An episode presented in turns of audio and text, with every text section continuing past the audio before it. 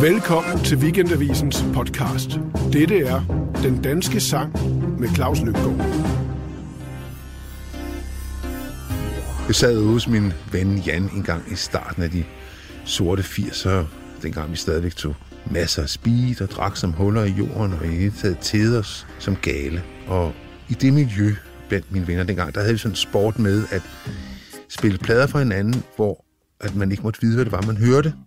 Så skulle man ligesom se den andens reaktion, når man gjorde det. Så han så, så fandt så en plade frem og gjorde så meget umage med at skjule cover og sætte den på. Og så kom musikken, og jeg kunne simpelthen ikke øh, finde ud af, hvad det var, så jeg sagde, jamen er det, er det noget fra New York? Det var det ikke så. Så var det så fra Berlin, fordi på det tidspunkt var der meget god elektronisk musik i Tyskland. Det var det heller ikke, og jeg sad, og jeg kunne simpelthen ikke finde ud af, hvor var henne. Og så kom den.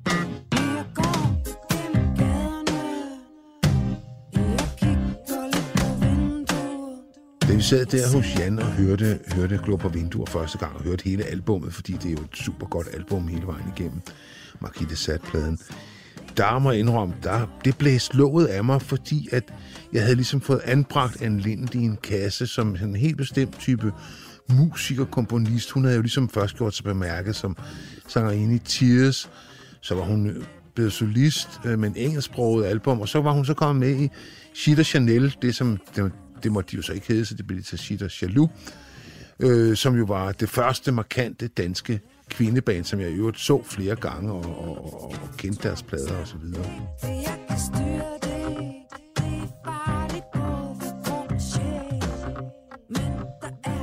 Men der, hvor, det, det, hvor hun, der, hvor hun har gjort størst indtryk på mig personligt, det var med hendes fortolkning af Tove Ditlevsen, fordi jeg var stor Tove Ditlevsen-fan, så da hun lavede øh, øh, hvad hedder det, den plade, hvor hun fortolkede Tove Ditlevsens sange, jamen det var en plade, som jeg virkelig kunne bruge.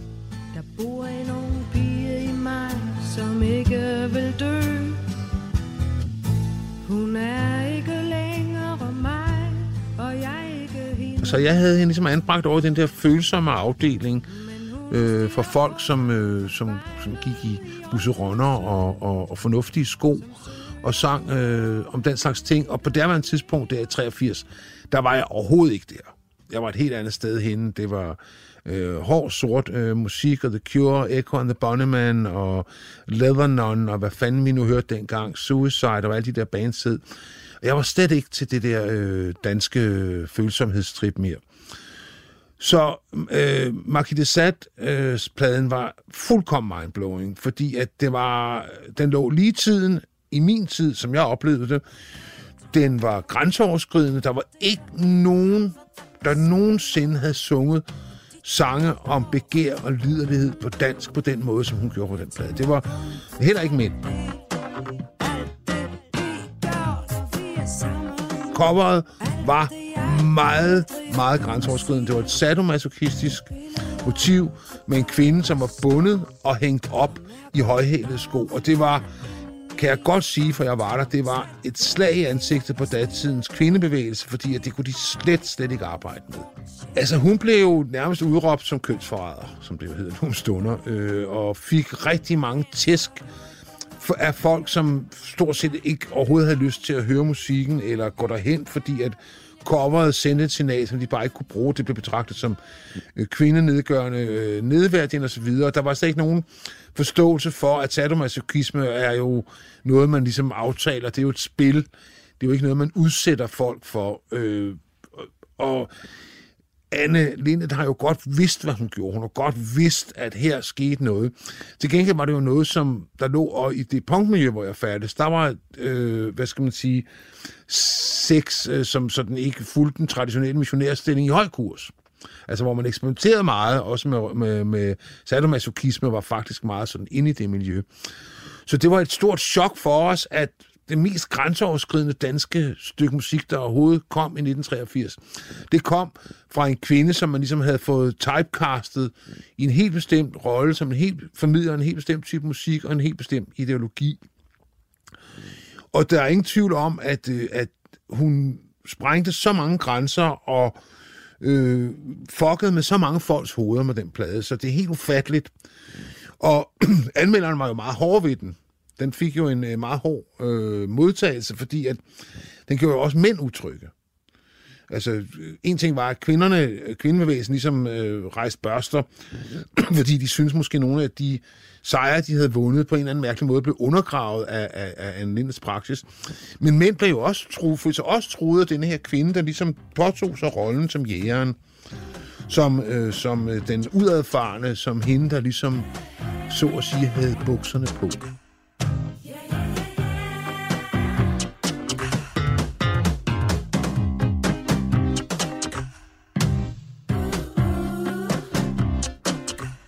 Det, som vi hører, er jo benhård funk-minimalisme. Der bliver hele tiden spillet på synkoperne, altså på offbeatet, øh, og øh, der er ingen af instrumenterne, der ligesom spiller ret meget. Der er utrolig meget luft i nummeret. Øh, gitaren spiller jo ikke klassisk rockgitar, den laver mest lyde. Øh, Lenets synthesizer er det dominerende. Øh, jeg tror, det er en Juno 7, hun spiller på. Øh, det mest dominerende instrument. Trommerne holder hele tiden igen. Det er et nummer, øh, der ligesom når man prøver at trække, når man, når man boller og man trækker, prøver at trække den ud, så længe man kan. Det er den fornemmelse, nummeret har, altså at holde igen, i svar for at give los. Det giver jo en enorm spænding. Der er en enorm spænding i det nummer. Og også en uforløst spænding.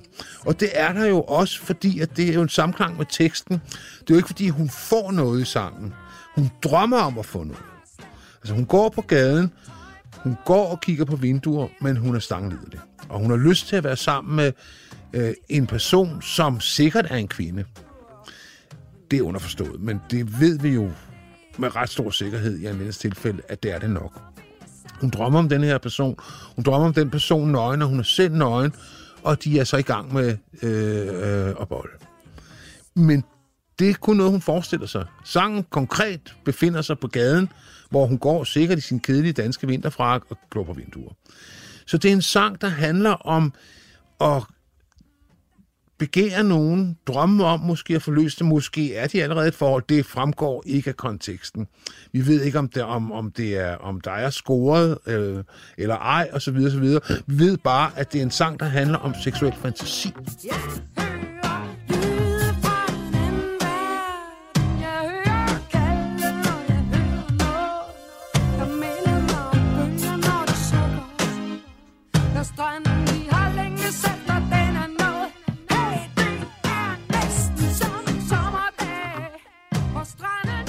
Noget af det musik, som, øh, som der lå i tiden, kan man sige, som Anne Lind blev inspireret det var jo ikke punk. Øh, nu nævnte jeg punk før, som jo er postpunken, hedder det, det, det vi snakker om. Det er slet ikke der, hun er. Øh, på det her tidspunkt havde Anne Lind jo rejst en del. Hun havde både været i Berlin og på... Øh, og, på, øh, og i New York, hvor hun sikkert havde været på gay discos, altså bøssediskoteker, øh, hvor per definition dengang, man kunne høre det bedste dansemusik og man kunne høre det mest, øh, det nyeste, og det vildeste, og det mest øh, musikalsk afsøgende musik. Og jeg ved ikke, om Anne Lindet har ligesom stået... Jeg har svært ved at se hende stå sådan på hovedet i pladekasser. Jeg tror, hun har optaget det ved osmose. Hun har hørt de her klange, der lå i luften og i tiden. Der var en genre, der hed elektro, og den var jo vokset, den voksede ud af, at på det tidspunkt begyndte man at operere med trommemaskiner, og med øh, synthesizer og med sequencer, en helt ny måde at tænke musik på, som slet ikke havde noget med den der klassiske guitar, bass, tromme, nu skal vi have et band, nu skal vi spille, men hvor musikken var utrolig elektronisk genereret. Og øh, det gav jo nogle nye klangmuligheder og nogle nye måder at arbejde på. Et, et, et meget stort tysk band som Kraftværk øh, arbejdede udelukkende med elektroniske instrumenter, og dem har hun måske hørt da hun har været i Berlin, men også muligvis i New York. Hun har måske hørt Grace Jones' øh, ret vilde produktioner på daværende tidspunkt, som også har den der minimalisme. Hun har måske hørt noget af den nyeste elektro i, i, i New York, og måske har hun også hørt hiphop, som Grand Flash, uh, Grandmaster Flash and uh, the, the Furious Five, The Message som også er helt kogt ned til, hvad kan man sige, næsten øh, musikkens øh, grundelementer. Uden alt mulige harmonier. Altså en af de ting, som Anne, jo, Anne Linde jo er rigtig god til, det der harmoniske, det har hun jo ligesom skrottet her, til fordel for at lægge vægten på det rytmiske. Alle instrumenter bliver spillet som om, det er slagtøjsinstrumenter. bas, trommer, guitar, keyboard. Der er ikke nogen flyder, der er ikke noget, der binder det sammen. Der er ikke noget, der gør det smukt og lækkert.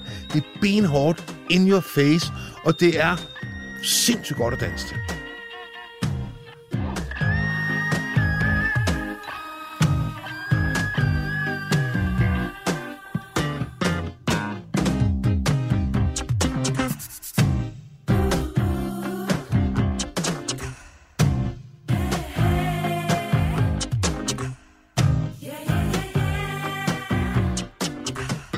Selvom den jo som sagt fik en, en hård modtagelse pladen af kritikerne, og selvom øh, der var mange folk, der stejlede over den, så var den jo, den var den jo så så god.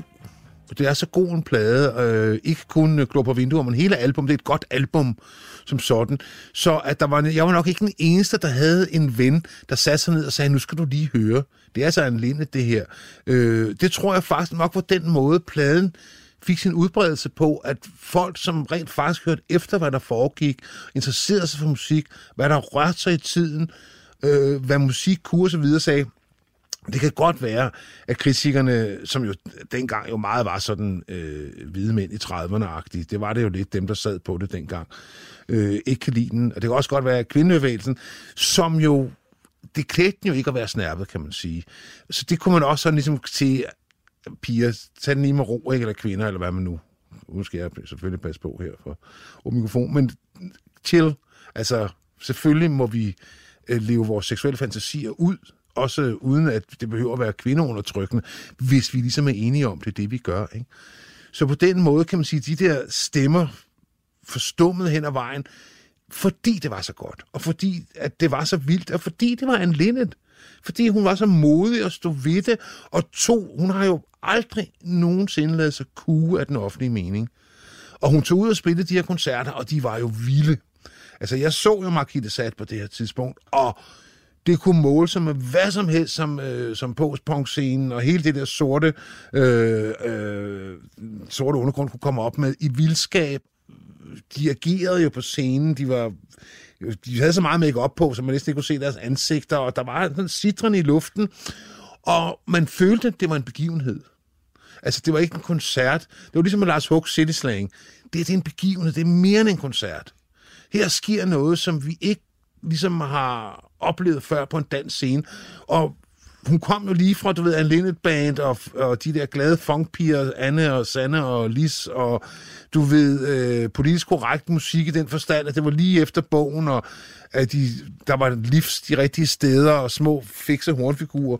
Og så til det her utroligt hårde, øh, storbyagtige, øh, og på mange måder, øh, hvad skal jeg snart sige, splindrede, meget moderne univers, hvor sådan nogen som mig tænkte, ah, det er ligesom at komme hjem, det her.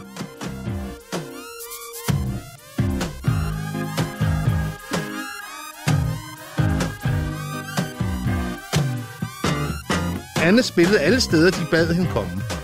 Øh, det tror jeg, altså, det, hun er jo professionel. Hvis nogen ville betale hyren, så var det lige meget, om det var en om, om det var i, i Frederikshavn, eller øh, om det var Fældeparken, eller hvad det var. Altså, hun stillede op med... Men de kunne bare ikke få den Anne Linde, som de kendte. Altså, hvis man købte Anne Linde der i 83, 84, 85, så købte man Marquis Sat-bandet. Pladen er jo lanceret som et baneprojekt, kan man sige. Altså, den bliver omtalt som de Sade, men det var også navnet på orkestret, ikke? Og de Sade er jo manden, der skrev Bibelen, altså den sadomasochistiske Bibel, så der ligger jo også et meget klart budskab der, at this is the way I want to go, ikke? Øh, på den måde, så der var jo ikke stukket noget under stolen.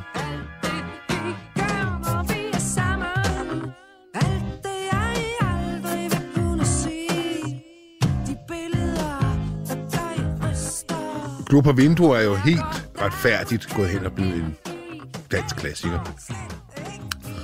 Og det er den, fordi at selvom nummeret jo på alle måder er af sin tid, et barn af sin tid, den er født af den tid, øh, og, de, og, og den musik, der også var i luften internationalt set, så er den så stærk øh, kompositorisk og, og, og, og performance-mæssigt, at den også har formået at transcendere sin tid, altså holde og det var, nu brugte jeg ordet futuristisk før, den lød jo meget futuristisk i 83, men det gør den egentlig stadigvæk. det er jo ikke musik som det, altså man kan sige, nu er vi så i 2019, og så tænder man for radioen, og så kunne man forestille sig, at al musik ligesom var røget ud i stratosfæren øh, med synthesizer og øh, trommemaskiner og alt det der, som, som man hører på den her. Det er jo sådan en rigtig trommeslager, men han spiller meget mekanisk. Det er det jo ikke. Der er stadig masser af blød mellemvarer øh, af alle mulige slags videre, så den har bevaret sit særpræg og sin styrke, og det er sådan en sang, øh, som, som en, der jo er lejligheds-DJ, jeg kan, kan garantere lytterne for, at hvis man spiller den på det rigtige tidspunkt, så går folk fuldkommen bananas. Altså, du fylder, og det er den lange version, jeg snakker om. Der er jo en, en single version på 4 minutter, men der er en 7 minutters version, den der er på pladen. Det er den, jeg spiller. Altså, jeg spiller den lange version med den lange, lange optakt, men folk ved med det samme nu om stunder, hvad det er for et nummer. Jeg siger ikke, at den automatisk medfører, at folk går hjem og boller, eller øh, at de smider tøjet eller noget som helst, men de synger med på en fantasi, som man jo tit får der til en fest ved to-tre-tiden om natten, hvor man måske godt kunne tænke sig at føre dansen over i, du ved, de mere intims, øh, sådan mere sådan tæt, en omslynget intim sfære med en, man måske går og synes er lidt lækker, ikke? Og det kan sangen ligesom give en mulighed for at sige, men jeg tror også bare, det at synge med på den i sig selv har en frigørende effekt. Det er overhovedet at sige de der ting, at man har den slags tanker, at det er ok at have dem, øh, at udover alt det andet, vi er som mennesker, vi er også grundliderlige.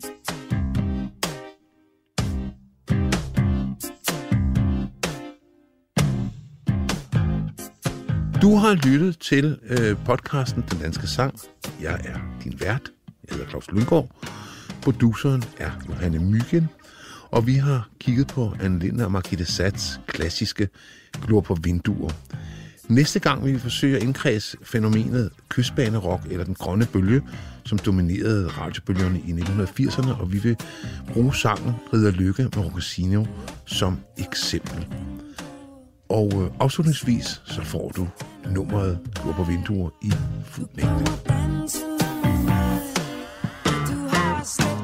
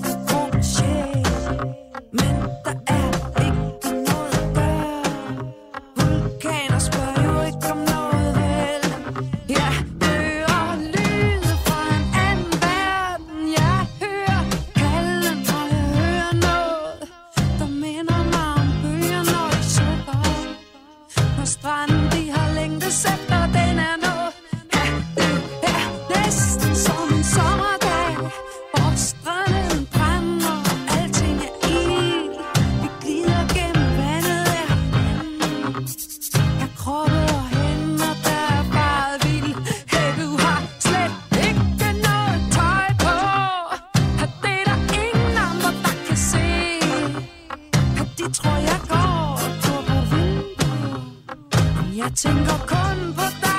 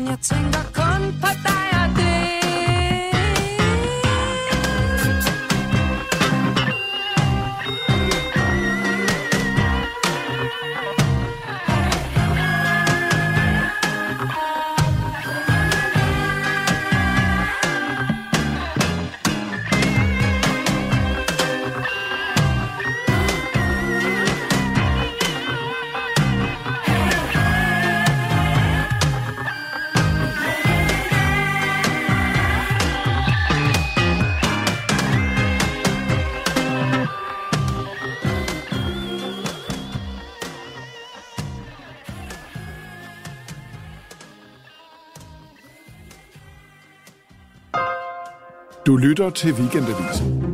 Hør alle udsendelser på weekendavisen.dk-podcast.